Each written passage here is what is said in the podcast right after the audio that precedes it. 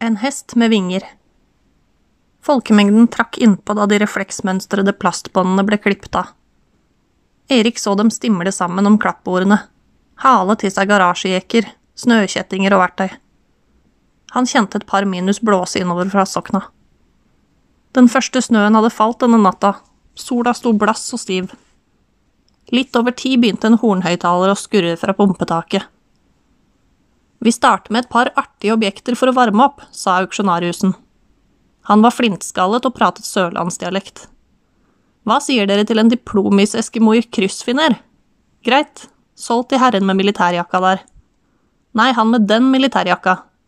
To kartonger Prosit. Ja, dere hørte riktig. Det vi kalte muselort i gamle dager. Ute av produksjon for mange år siden. Spises på eget ansvar. Folk skrattet. Ingen bud? Nei vel, det går i søpla. Vi skal gjennom mye i dag. Lott 1. Et kjøleskap med topphengslet lokk. Original utgave fra Coca-Cola. Fra 50-tallet. Erik satt på autovernet på den andre sida av riksveien og studerte folk. Tjukkledde oppkjøpere fra Oslo i varebiler, gårdbrukere som så etter sveiseapparater, arbeidsledige fra Vinstra som røykte rullings mens de rafset i verktøyet hans.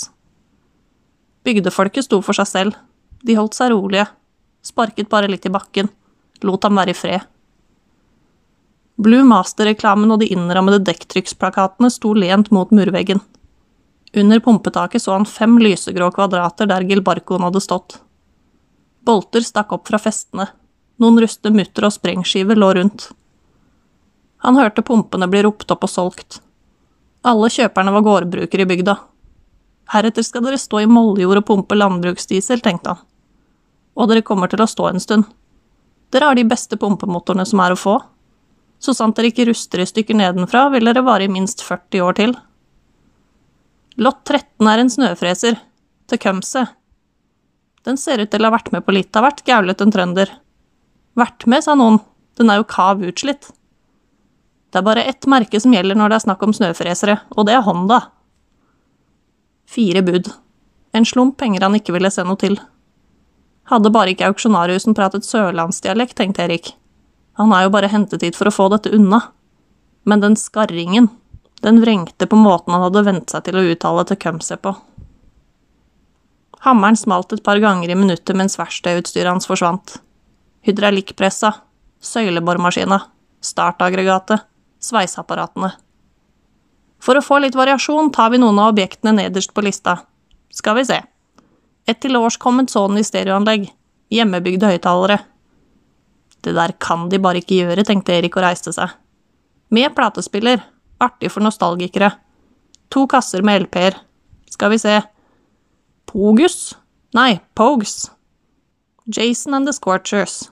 Gamle greier, dette. Får vi et bud på alt sammen? Noen lo. LP? Kom igjen, dette er ikke 1979.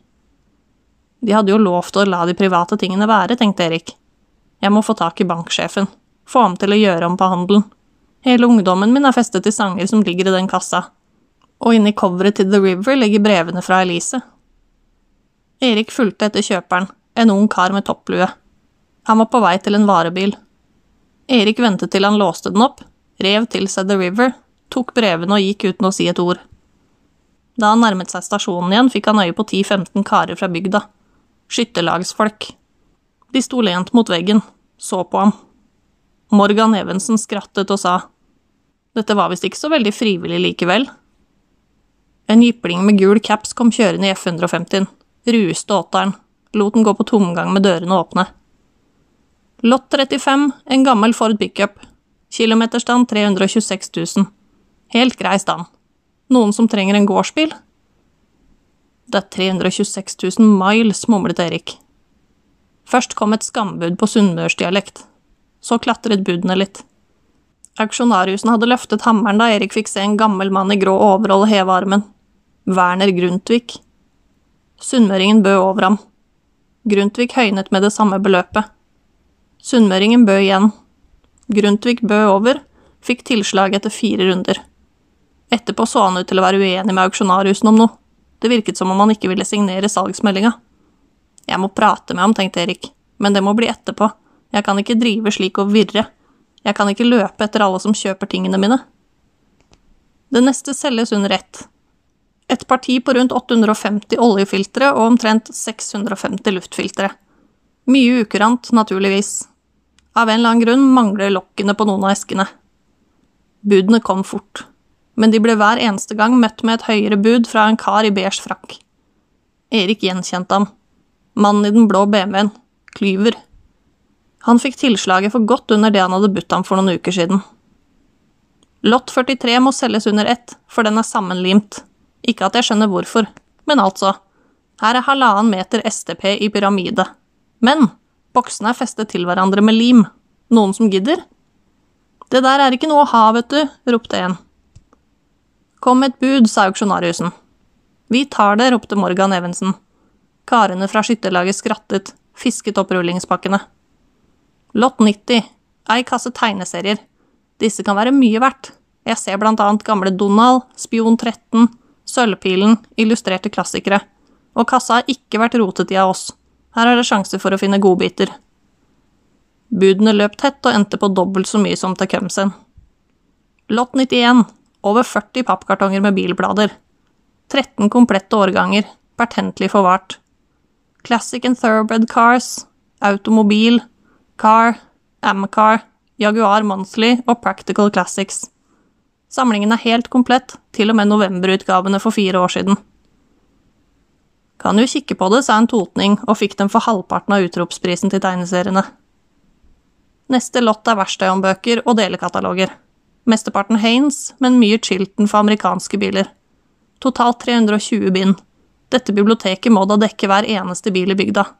Samlet bud? Stille. Ok, vi setter ut kassene, så kan dere plukke én og én etter hva dere kjører.